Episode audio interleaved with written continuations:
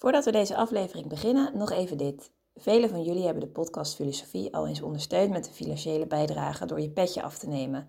Daar zijn we super blij mee en daarmee draag je ook echt iets bij en maak je onze podcast mede mogelijk. Zo ook Boy en Jan die recentelijk hun petje af hebben genomen.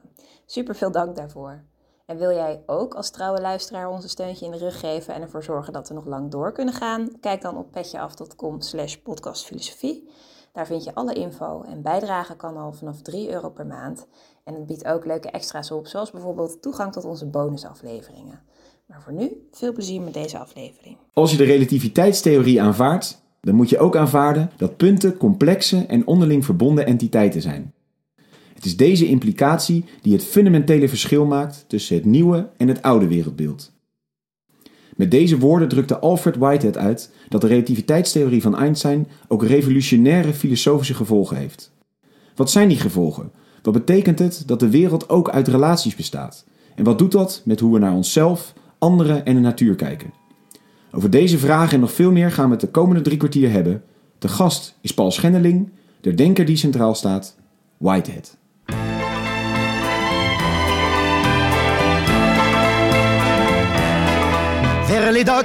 Où le poids et l'ennui me le dos. Dag, mooi dat je luistert naar deze nieuwe aflevering van de podcast Filosofie. Een initiatief van het Centre Erasme, School voor Filosofie in Zuid-Frankrijk, Vlaanderen en Nederland. Mijn naam is Allard Amelink. Het eh, concept van de podcast is simpel. Er is een hoofdgast, een presentator en een sidekick. En in ongeveer 45 minuten duiken we in het denken van één filosoof. Tegenover mij zit eh, Judith Zwijstra van het Centre Erasme. Welkom Judith. Dank je. Leuk dat je er bent. En uh, een beetje schuin naast ons zit uh, Paul Schendeling. Paul is uh, adviseur in de publieke sector en hij promoveert bij de Vrije Universiteit te Amsterdam op kwaliteit van leven. Welkom Paul. Dankjewel. En we gaan het vandaag hebben over Alfred Whitehead. Die leefde van 1861 tot 1947. En hij was een Brits-Amerikaans logicus, wiskundige en filosoof. En Paul, eigenlijk de vraag die daarbij gelijk opkomt, en ook als we een beetje zo het intronet hoorden over uh, de relativiteitstheorie, et cetera. Wat doet Whitehead in een filosofie-podcast? Dat is een mooie vraag. Ook in de tijd dat iedereen zich op één discipline richt en niet op meerdere, is dat een goede vraag. In de tijd van Whitehead zou je de vraag bijna moeten omdraaien. Um, waarom? Omdat Whitehead was een uh, beroemd wiskundige en logicus. Had een carrière van 30 jaar erop zitten als logicus had het werk geschreven Principia Mathematica, wat nu nog steeds beschouwd wordt als het belangrijkste logische werk van de 20e eeuw. Had een dijk van reputatie en besloot toen, in 1916, om zich in de metafysica te gaan bewegen. Waarmee hij zijn hele reputatie op het spel zette, zich ook vatbaar maakte om belachelijk gemaakt te worden. Waarom deed hij dat? Het antwoord is ja, die relativiteitstheorie waar je over sprak. Ja, die had dus zo'n impact. Die dacht, hier moet ik wat mee. Ik, ik kan niet anders eigenlijk. Ja, hij moest daar echt wat mee. Als context, in 1915 verscheen het artikel van, uh, van Einstein over de, uh, de General Theory of Relativity. Um, en in 1917, 1919, 1920, heel veel jaren daarna, uh, heeft Whitehead daarover gepubliceerd. Wat daarvan de implicaties zijn voor ons wereldbeeld. We kunnen iets over vertellen na die relativiteitstheorie. Wat wat houdt het op hoofdlijnen in? Een beetje voor de neutrale luisteraar, dus probeer het niet te technisch te maken. Maar waar gaat het over? En, en dat had een enorme omslag in het denken, bracht het teweeg over uh, de werkelijkheid, zeg maar. Hoe, uh, wat waren die implicaties? Hoe ging dat? Gewoon om heel kort, heel technisch te noemen wat de relativiteitstheorie inhoudt. De technische definitie is dat plaats en tijd relatief zijn en dat massa en energie proportioneel afhankelijk zijn van elkaar. Dus dat beroemde E is mc kwadraat wil eigenlijk zeggen de E, energie, is proportioneel afhankelijk van uh, m, massa, vermenigvuldigd met de snelheid van het licht. Dat is wat relativiteit in, in droge technische zin uh, zegt. Um, en dat vraagt ook om een verklaring van wat betekent dat nou eigenlijk, deze technische definitie. En misschien kan je misschien ook iets zeggen over hoe, uh, um, zeg maar, voor Einstein uh, de wereld dan uh, gedacht werd. Dus wat, wat is bijzonder aan die relati relativiteitstheorie? Wat maakt het anders dan voorheen? Ja, en dat is inderdaad waarom Whitehead er zo in geïnteresseerd raakte. Omdat eigenlijk is de relativiteitstheorie revolutionair. Niet alleen in wetenschappelijk opzicht, maar ook voor ons wereldbeeld. Nou, en om te weten waarom het revolutionair is, moet je iets weten van het wereldbeeld wat de mensen in die tijd aanhingen. En dat kun je gewoon het meest eenvoudig samenvatten door het wereldbeeld van Newton te nemen. Uh, Newton was oppermachtig in de uh, exacte wetenschappen, in het wereldbeeld. Maar ook eigenlijk in de geesteswetenschappen was het wereldbeeld volledig gebaseerd op het wereldbeeld van Newton. En dat laat zich eigenlijk samenvatten aan de hand van drie uh, fundamentele bouwstenen of ontologische categorieën. De eerste ontologische categorie, dat zijn de deeltjes. Um, dat zijn um, oneindig deelbare, uh, kleine, los van elkaar staande deeltjes. Om het te vereenvoudigen, je zou kunnen zeggen minuscuul kleine, oneindig deelbare biljartballetjes. Dat is de eerste ontologische categorie in dat wereldbeeld. De tweede categorie zijn de natuurwetten. Nou, Newton heeft zelf de zwaartekrachtwet ontdekt. Die kennen we nog van de middelbare school. Die kent iedereen. Dat was het tweede bestanddeel. Dus die deeltjes, de biljartballetjes, gedragen zich volgens de wetten van de natuur. Ja. En uh, de derde ontologische categorie is de ruimte.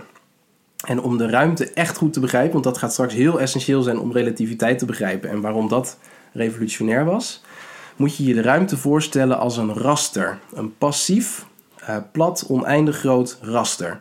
Je zou ook kunnen zeggen ruitjespapier. Een heel erg vlak, eindeloos uh, groot ruitjespapier met oneindig kleine vakjes waar de oneindig kleine balletjes overheen rollen.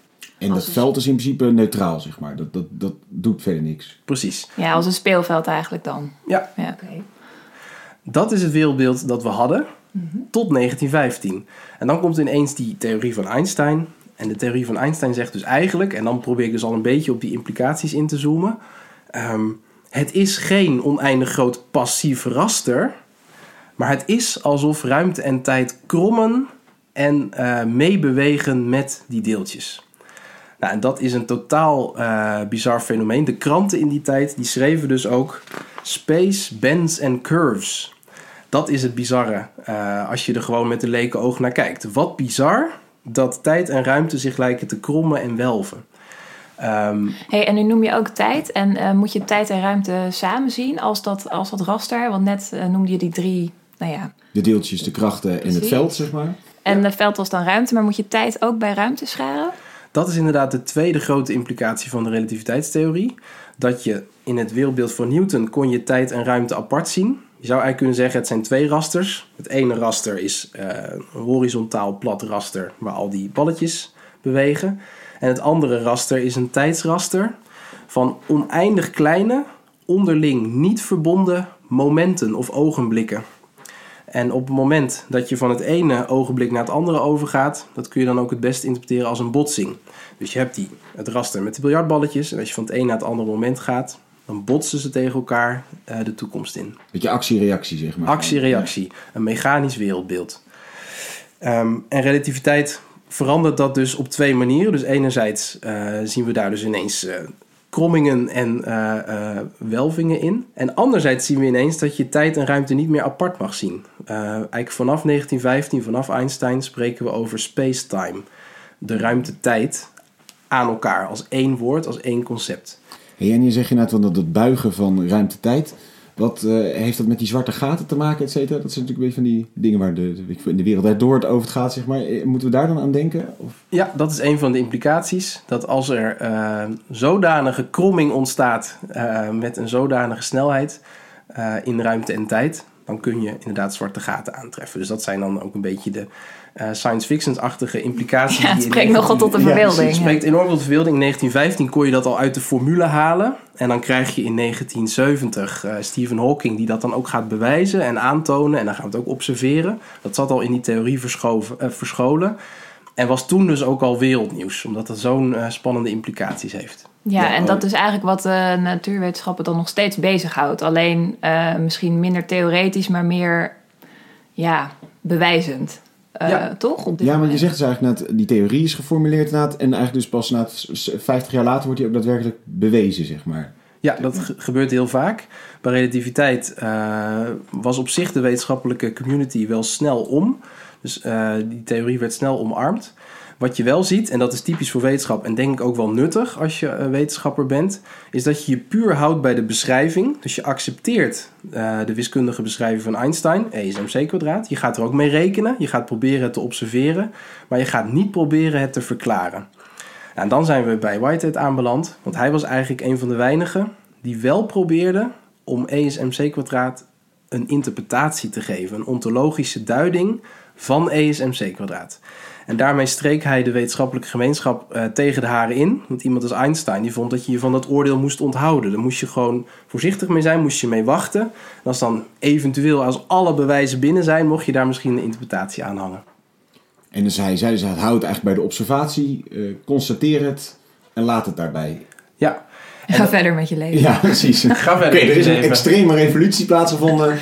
We gaan gewoon rustig verder. Zeg. Ja. ja.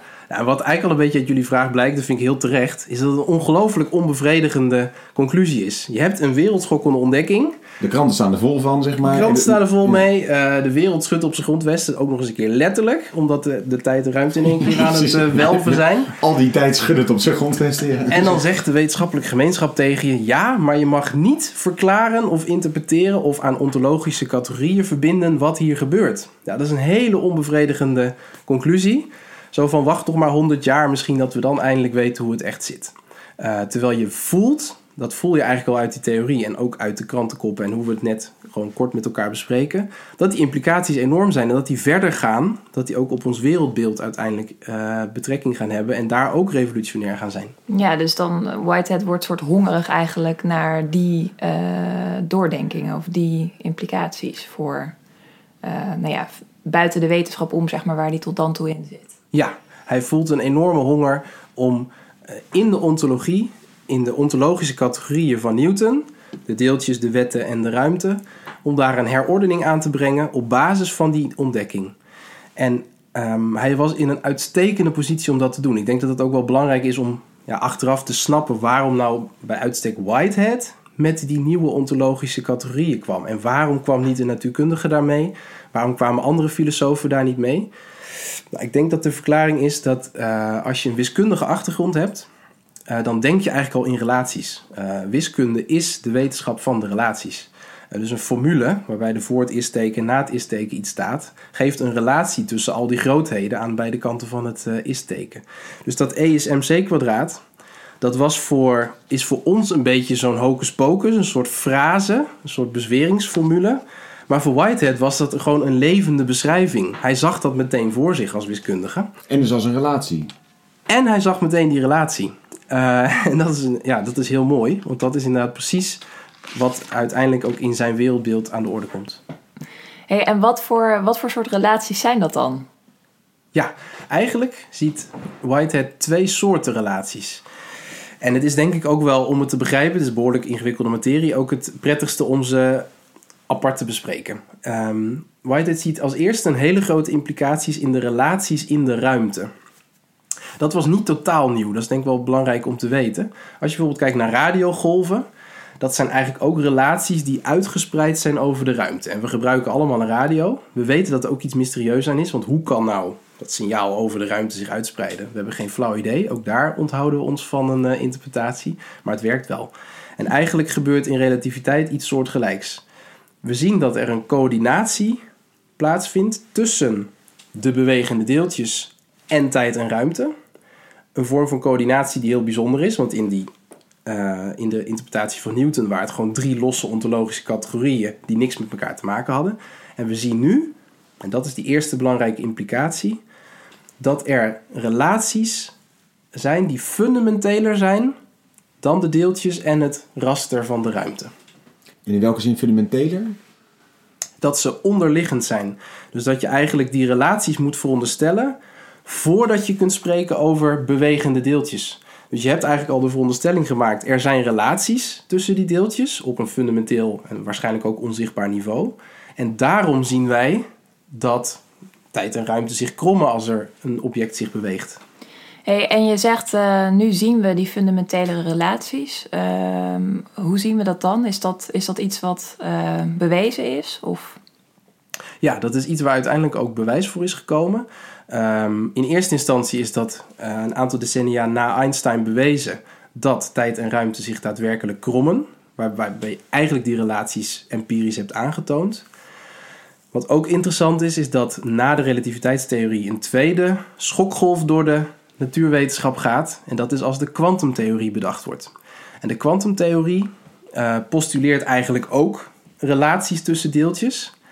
Um, een bekend voorbeeld daarvan is entanglement. Entanglement wil zeggen dat twee deeltjes die bij hetzelfde kwantumveld horen met elkaar verbonden zijn.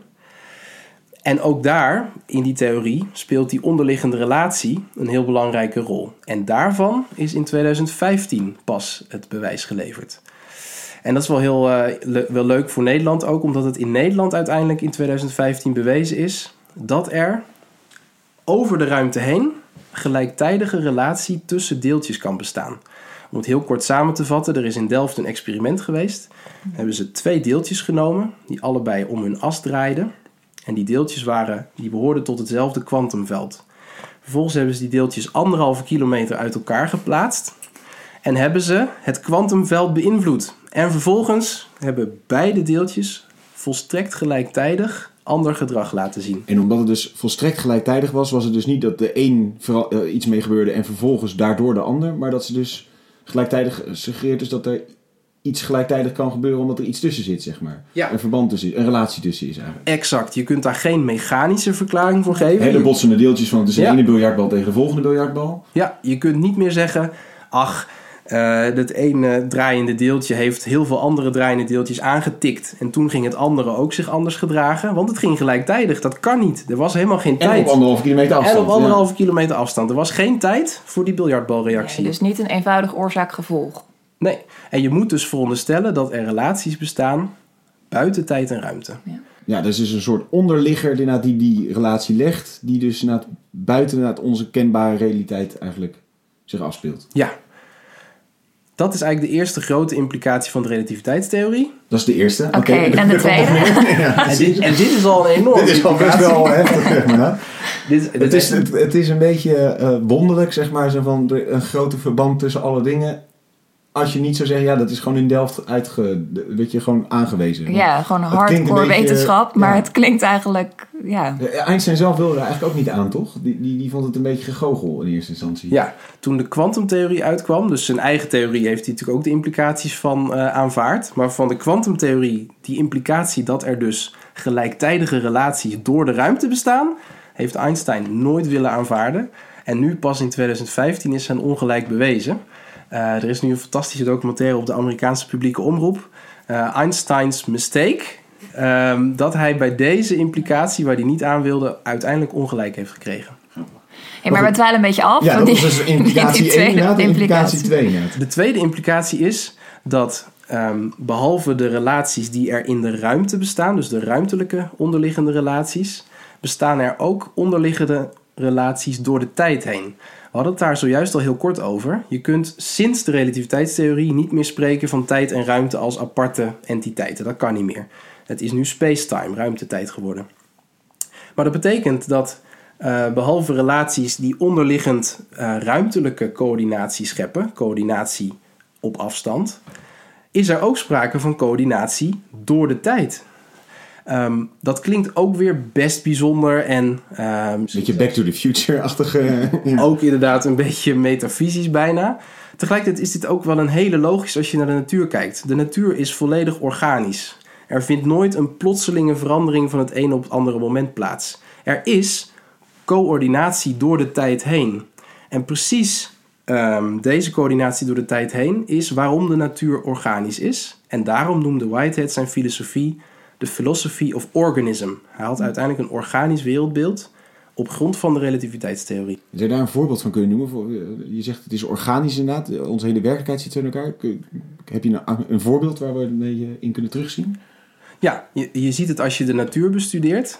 Ehm er is een heel beroemd, eh, beroemde uitspraak van Leibniz: de natuur maakt geen sprongen. Dus de natuur zal nooit van het een op het andere moment totaal veranderen zonder dat wij kunnen volgen wat de verandering is. Dus je ziet het eh, in de ecologie, hoe een boom groeit, hoe een blad zich ontvouwt, hoe een bloem nou, tot aanschijn komt. Dat zijn allemaal voorbeelden van organische verandering in de natuur. En wat leuk is, is dat je het in de psychologie ook eh, terugziet. Dat als wij denken, dan hebben we nog een beetje die klank van de vorige gedachte in ons achterhoofd. En we voorvoelen al een beetje waar onze volgende gedachte heen gaat. Eigenlijk bij het maken van een zin, we maken nu een zin. We voelen wel waar die zin ongeveer heen gaat. En pas als we hem helemaal hebben afgemaakt, weten we hoe die daadwerkelijk eindigt. Maar dat voorgevoel, dat laat zien dat er coördinatie door de tijd heen is, ook in ons bewustzijn. Ja, dus eigenlijk er is inderdaad in de ruimte is er dus een soort onderliggende lijn van verbindenis, van relatie. Eh, in de tijd is er dus zo'n vorm van verbindenis. Ja. Dat is dus inderdaad vrij eh, grote implicaties. Maar wat, eh, als we dat dan naar nu vertalen of, of naar de, de filosofische consequenties daaraan moeten verbinden, wat kunnen we daar dan mee met deze observaties? Of wat, wat betekent dat dan? Nou, ik denk dat het, dat het ook leuk is en ook gewoon wat praktischer en wat kleiner maakt als we ook gewoon naar de psychologie kijken. Omdat we dat ook allemaal bij onszelf kunnen waarnemen. Kijk, wij kunnen niet allemaal in Delft gaan zitten om die deeltjes gelijktijdig te zien veranderen. Maar wij kunnen wel in onze eigen gedachten kijken. Wij hebben bewustzijn. Wij voelen hoe onze gedachten zich ontwikkelen. Nou, om daar twee voorbeelden van relaties te noemen. Uh, de eerste soort relatie, die zien we terug. Dat iedere gedachte, iedere focus van onze gedachten wordt omgeven door een veld van associaties. Dus als ik in de spiegel kijk, dan denk ik tegelijkertijd aan mezelf, het moment wat vlak daarvoor was. Uh, ik heb ook een soort anticipatie van het moment wat hierna gaat komen. Ik heb tal van associaties van waar de spiegel vandaan komt, waar die ooit gestaan heeft, wie er nog meer in die spiegel gekeken heeft. Het is als het ware ieder gedachteobject is verbonden met een heleboel andere gedachteobjecten. Dus daar zie je de relaties al in terug. En het andere voorbeeld, want je hebt natuurlijk de relaties op het moment zelf, maar ook de relaties door de tijd heen. Dat zijn herinneringen en verwachtingen. Ja, en de psychologie wordt natuurlijk geregeerd door herinneringen en verwachtingen. Wij kunnen niks denken zonder dat we als het ware in de echo van onze eigen vorige gedachten voelen en zonder dat we de voorafschaduwing van de volgende gedachte al een beetje voelen aankomen. Dus ik zou nooit een coherente zin kunnen maken als de mens dit niet zou kunnen. Er zit een continuïteit in ons denken, uh, die eigenlijk gewoon het tegendeel bewijst van het wereldbeeld van Newton. Het zijn geen losse momenten. Het zijn niet totaal losgeknipte uh, gedachteobjecten. Het zijn verbonden gedachten en het zijn door de tijd heen organische gedachten.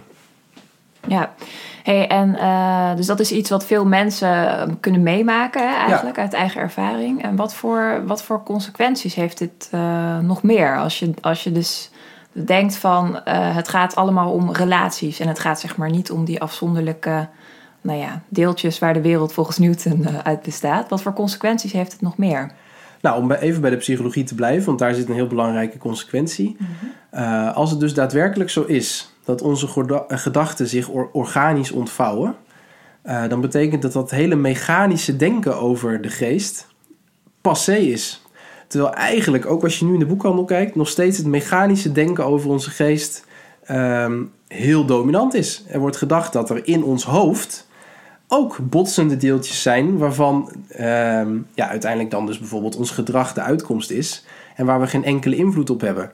Als je naar de filosofie van Whitehead kijkt, en als je gewoon eerlijk gezegd even naar je eigen gedachten kijkt, gewoon even puur uh, empirisch bewijs in je eigen psyche zoekt, dan is dat helemaal niet zo. Wij, zien, wij kijken niet verbaasd naar ons eigen gedrag. Wij kijken naar ons gedrag uh, met een verwachting. En wij kunnen ja en nee zeggen tegen die verwachting. Dus stel, ik voel de neiging om de koffie van tafel te stoten, dan kan ik die neiging nog even een halt toeroepen.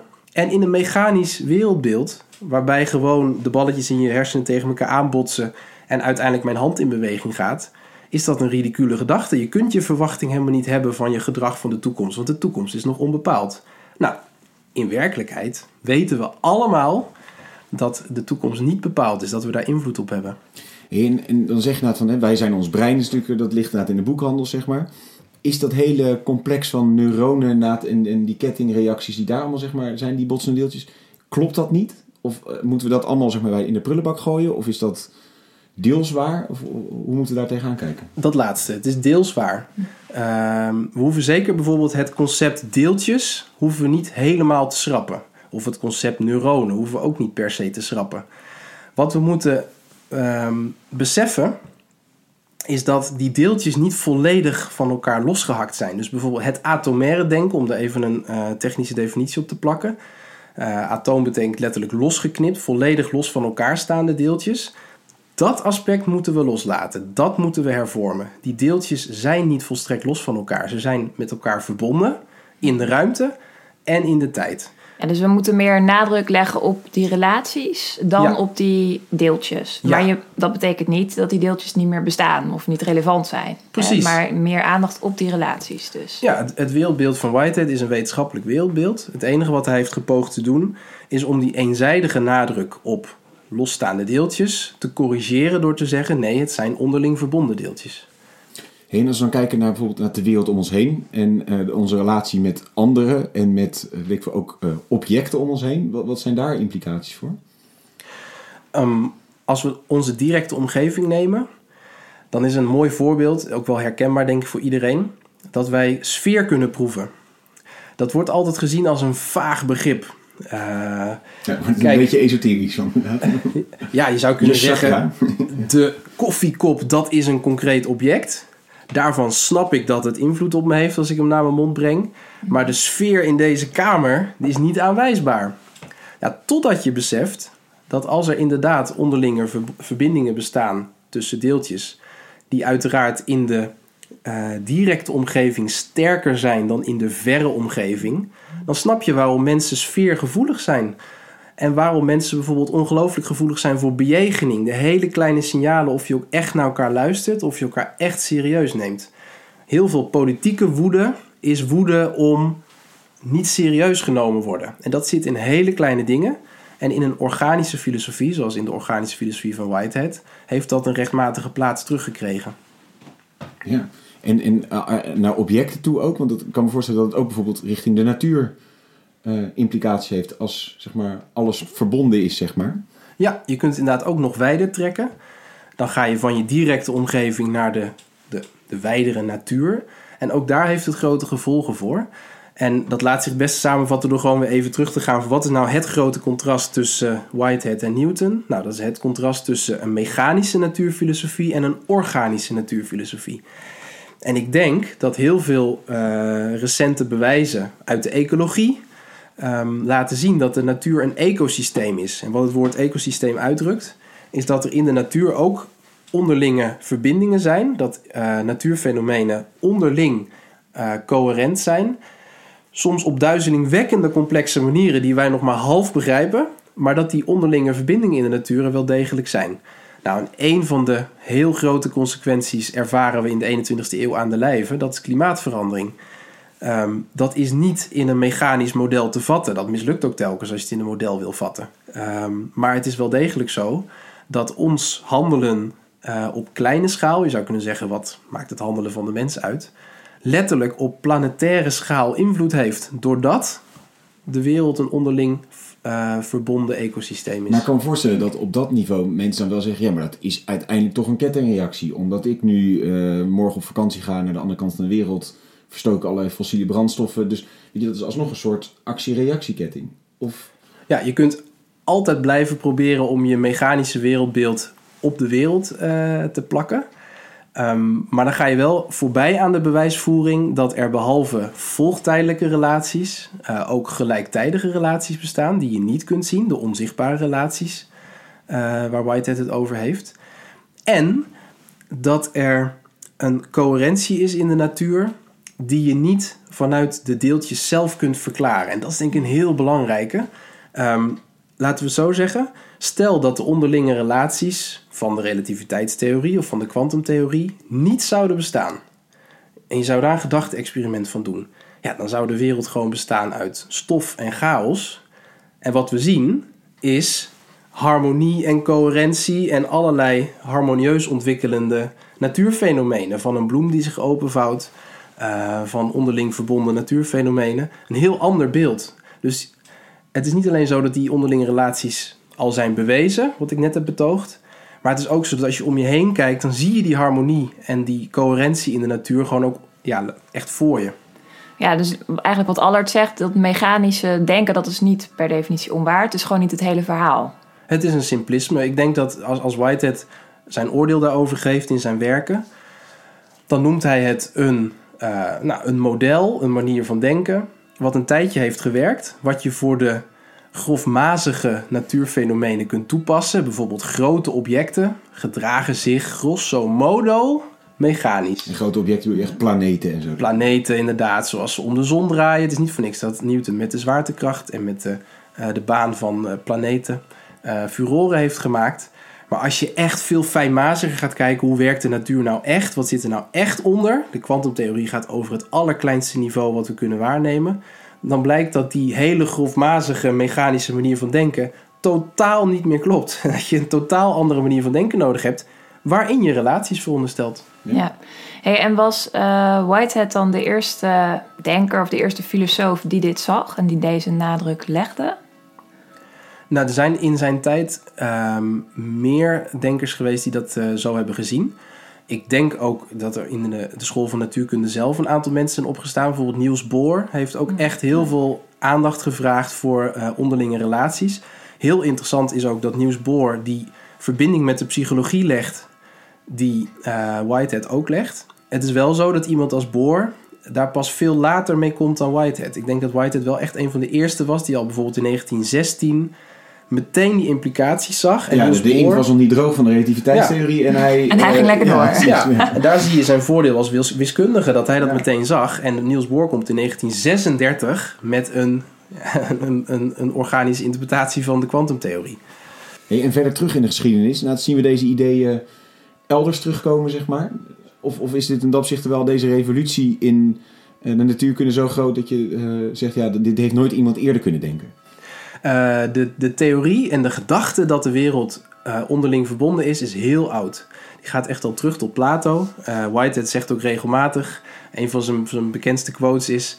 De filosofie is één serie voetnoten bij Plato. Eh, en eigenlijk betoogden we Dat komt van hem, dat citaat. Ja. Grappig. Dat citaat Ja. komt van Whitehead. Eh, dus eh, Whitehead was een groot fan van Plato.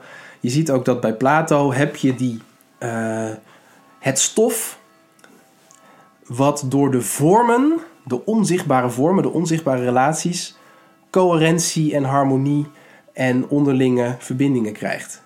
Ehm, dat is de metafoor van Plato. Eh, en dat is eigenlijk, ja, Plato heeft een beetje lang moeten wachten op zijn bewijs, zou ik willen zeggen.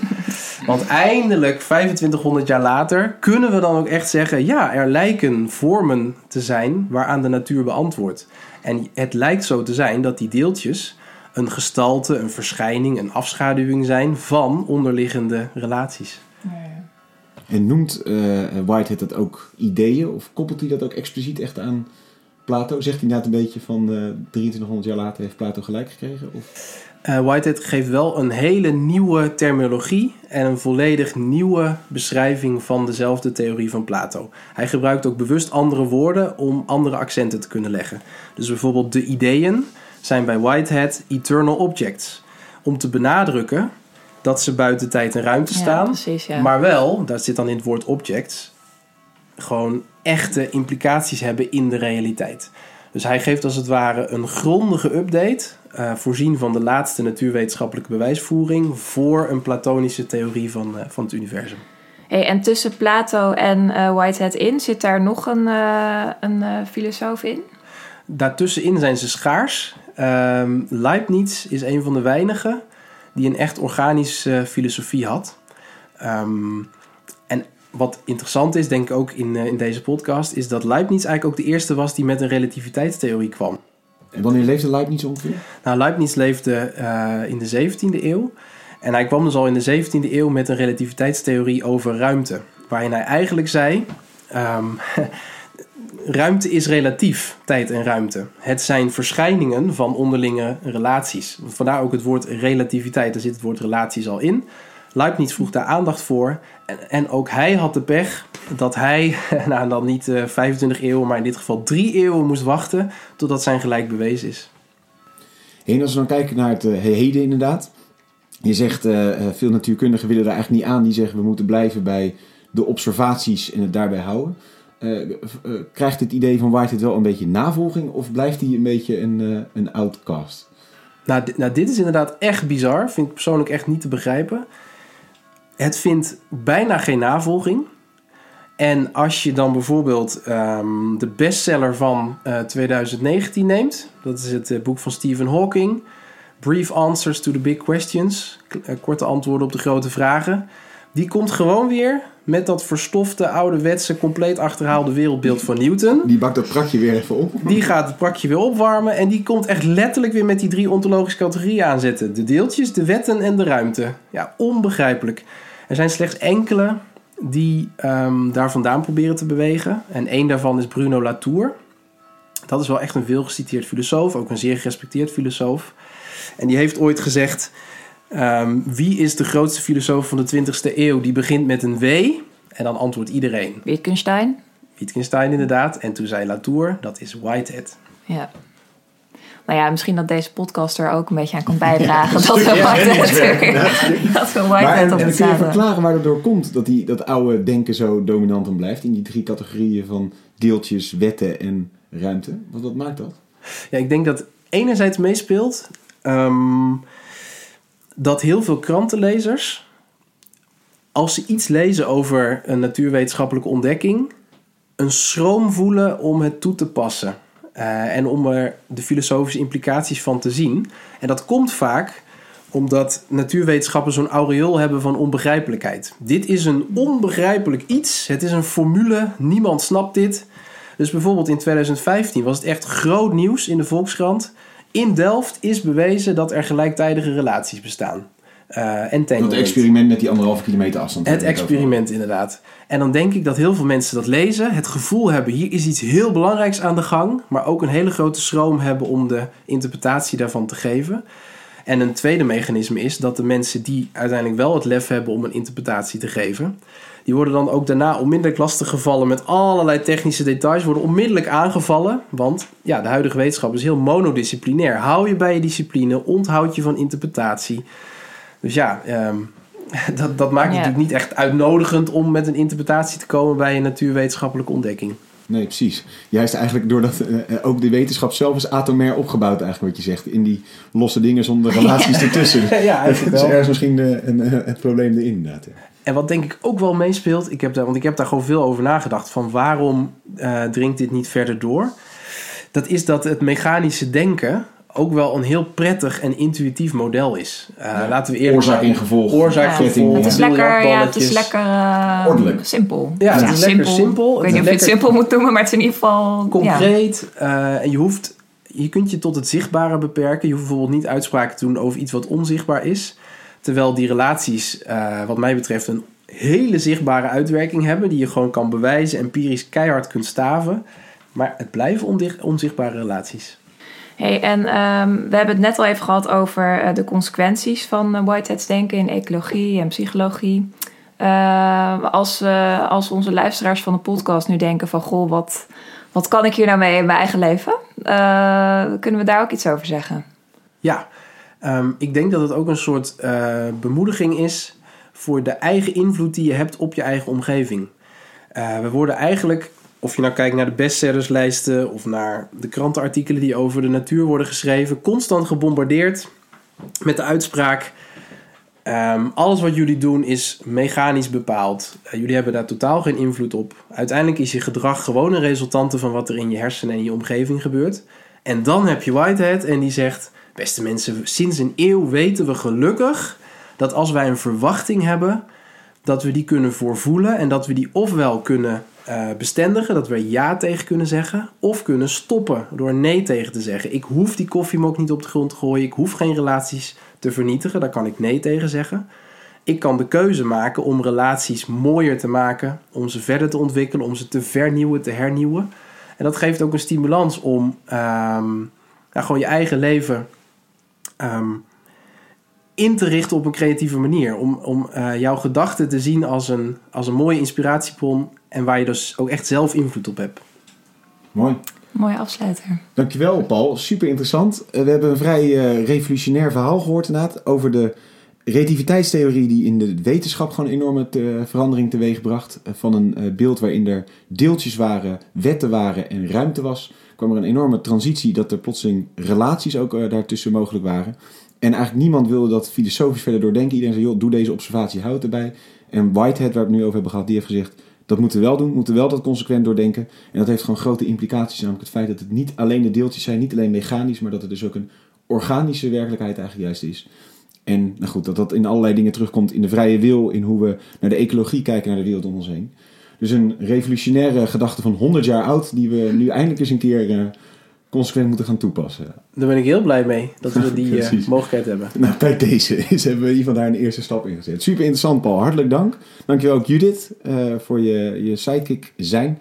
Ehm, wij gaan weer verder met deze podcast. Heb je nou verdere vragen over Whitehead?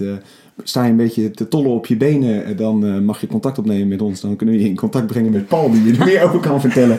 En eh, mocht je verdere ideeën of suggesties hebben voor de podcast, dan horen we dat heel graag. Dan gaan we daar graag mee aan de slag. Misschien een keertje Leibniz. Live niet, ja, precies. Ja, zou leuk zijn. Nou, dan nodig je weer uit, Paul. Dankjewel. Dat, Gezellig. goed. En eh, tot de volgende keer. Emmenez-moi au bout de la terre, emmenez-moi au pays des merveilles. Me semble que